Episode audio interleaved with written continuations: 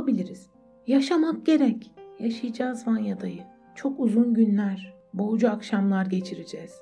Alın yazımızın bütün sınavlarına sabırla katlanacağız.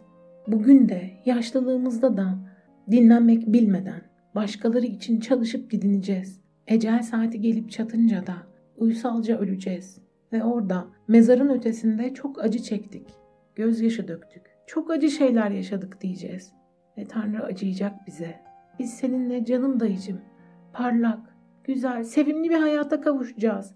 Buradaki mutsuzluklarımıza sevecenlikle, hoşgörüyle gülümseyeceğiz ve dinleneceğiz. İnanıyorum buna dayıcım. Bütün kalbimle, tutkuyla inanıyorum. Dinleneceğiz. Melekleri dinleyeceğiz. Elmaslar gibi yıldızlarla kaplı gökleri göreceğiz. Dünyanın tüm kötülüklerinin, tüm acılarımızın, dünyayı baştan başa kaplayacak olan merhametin önünde silinip gittiğini göreceğiz. Ve hayatımız bir okşayış gibi dingin, yumuşak, tatlı olacak. İnanıyorum, inanıyorum buna. Zavallı, zavallı Vanya'dayı ağlıyorsun. Hayatında mutluluğu tadamadın. Ama bekle Vanya'dayı, bekle, dinleneceğiz.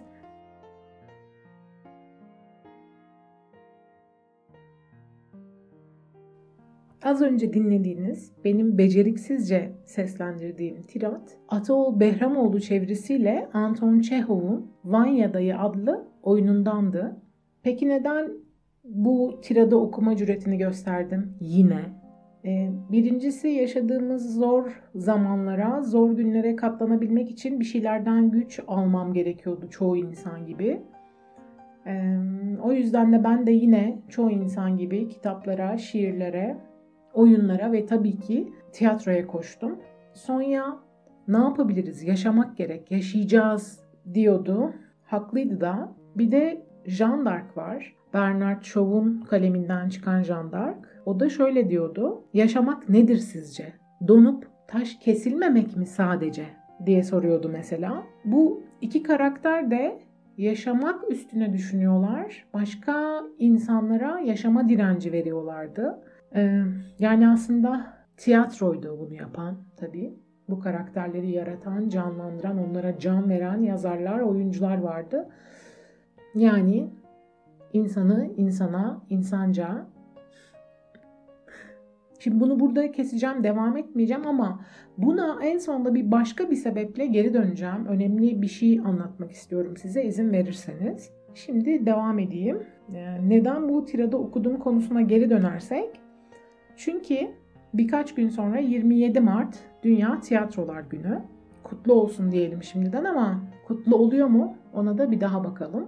Dünya Tiyatrolar Günü'nü tabii ki herkes biliyor ama e, bu neydi, ne zaman doğmuştu diye sorarsanız da ben bilmiyordum ne zamandan beri kutlandığını, ne zaman doğduğunu e, bu işin. Bu 1961'de e, Uluslararası Tiyatrolar Birliği ITI yani International Theatre Institute e, tarafından kabul ve ilan edilmiş. 61'den bu yana da her yıl 27 Mart'ta e, dünya çapında kutlanıyor. Tiyatro grupları tarafından, e, ülkelerin kendince belirlediği etkinlik programlarıyla kutlanıyor. Bu kutlamalar sırasında da gerçekleşen ama en önemli etkinlik o yılın evrensel bildirgesi bu anlamda yapılan en önemli etkinlik. Bunu da e, tiyatro alanında ya da tiyatroyla ilgili ilintili e, başka disiplinlerden gelen başarılı, kendi alanında başarılı oyuncu, yönetmen, yazar, kostüm ya da dekor tasarım, ses, ışık, müzik artık o yılın bildirisini kim okuyacaksa kendi alanından başarılı bir temsilcisi o yılın bildirisini yazıyor ve okuyor. İlk bildirge 1962'de Jean Cocteau tarafından yazılmış Fransız bir tiyatrocu. Peki Uluslararası Tiyatrolar Birliği dedik. Bu nedir, ne amaçla kurulmuş, bunlar kimdir dersek bu da e, aslında UNESCO tarafından kurulan bir birlik. E, amacı da şu, e, sahne sanatları kapsamında uluslararası bilgi alışverişini, bilgi pratiğini aslında artırmak sanatsal üretim, sanatçının gerekliliği gibi konuları vurgulamak, e, işte insan ilişkilerinde barış, dostluk, karşılıklı anlayış temelleri üstüne oturtmak aslında bir anlamda. Şimdi tiyatrolar günü kapsamında bir sürü etkinlik düzenleniyor dedik. En önemli etkinlik de işte o yılın bildirgesi pek çok gazetede yayımlanıyor ve çeşitli uluslardan birçok grup da kendi temsillerinden oyundan önce bu bildiriyi mutlaka okuyorlar. Bu yılki Dünya Tiyatro Günü uluslararası bildirisini ünlü İngiliz oyuncu Helen Mirren e, yazmış ve şöyle başlıyor. Geride bıraktığımız dönem canlı performans dünyası için çok zor geçti. Birçok sanatçı, teknisyen ve zanaatkar zaten belirsizliklerle dolu bu meslekte hayatlarını güçlükle idame ettirebildiler diyor. İşte biz de burada bir ah diyoruz.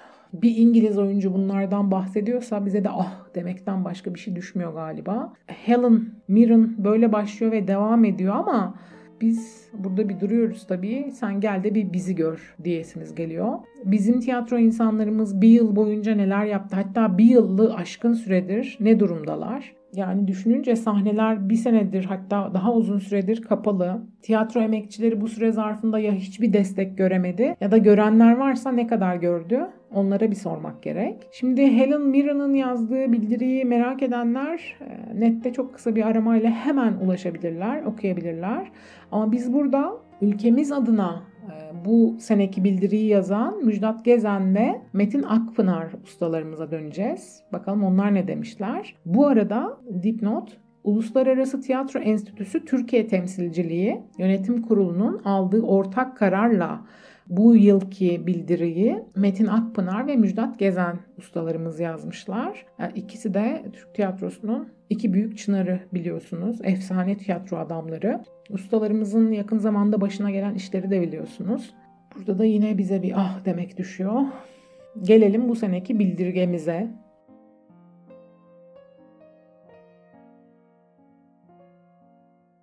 Akpınar ve Gezen ustalar der ki 27 Mart Dünya Tiyatro Günü sanat emekçilerine, sanatseverlere kutlu olsun. Dionysos şenlikleriyle başlayıp gelişen tiyatro asırlardır varlığını sürdürüyor. Merkezinde insan olan bu sanat insan var olduğu sürece yaşayacak. Edebiyatın en içten bölümlerinden biri olan tiyatro edebiyatında oyun yazarlarına çok gereksinim var. Onlarsız olmaz. Tıpkı seyirci olmadan tiyatro olmayacağı gibi. Oyuncu, seyirci, oyun yazarı. Biz bize benzeyen insanlarla 350 bin yıldır yeryüzündeyiz. Ancak insanı insan yapan bilimdir, sanattır, tiyatrodur. Ana malzemesi insan olan bu meslekte iyi insandan iyi yazar, iyi yönetmen, iyi oyuncu çıkartmak daha kolaydır. Biz değerler sıralamasında genelde sanatı en üst sıraya koyarız. Özelde tiyatroyu sanata en yakın düzeyde görü düşünüyoruz, görüyoruz. Çağımızda üreme içgüdüsü, beslenme içgüdüsü tatmin olduğunda mutlu olanlara başka popülasyonlara verilen bir adı veriyoruz. Ancak üreme, beslenme açlıklarından başka açlıklar da duyanlara, onları üretip onları tükettiğinde mutlu olanlara insan diyoruz. Bilgi, iletişim çağı ne kadar gelişirse gelişsin, algoritmalar, yapay zekalar nereye ulaşırsa ulaşsın, tiyatro insanla yapılır. İnsanca yapılır, insanlar için yapılır. Tiyatro insanlığın vazgeçilmezidir. İnsansız tiyatro, tiyatrosuz insan olmaz. Metin Akpınar, Müjdat Gezen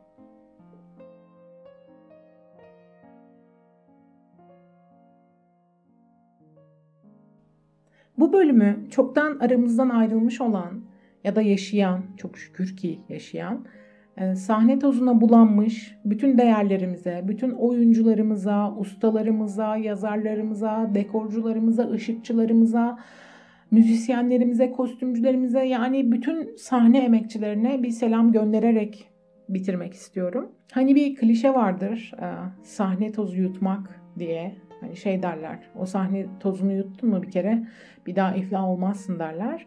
İşte kimileri sahne sesiyle söyler bunu, kimileri de içini çekerek itiraf eder aslında.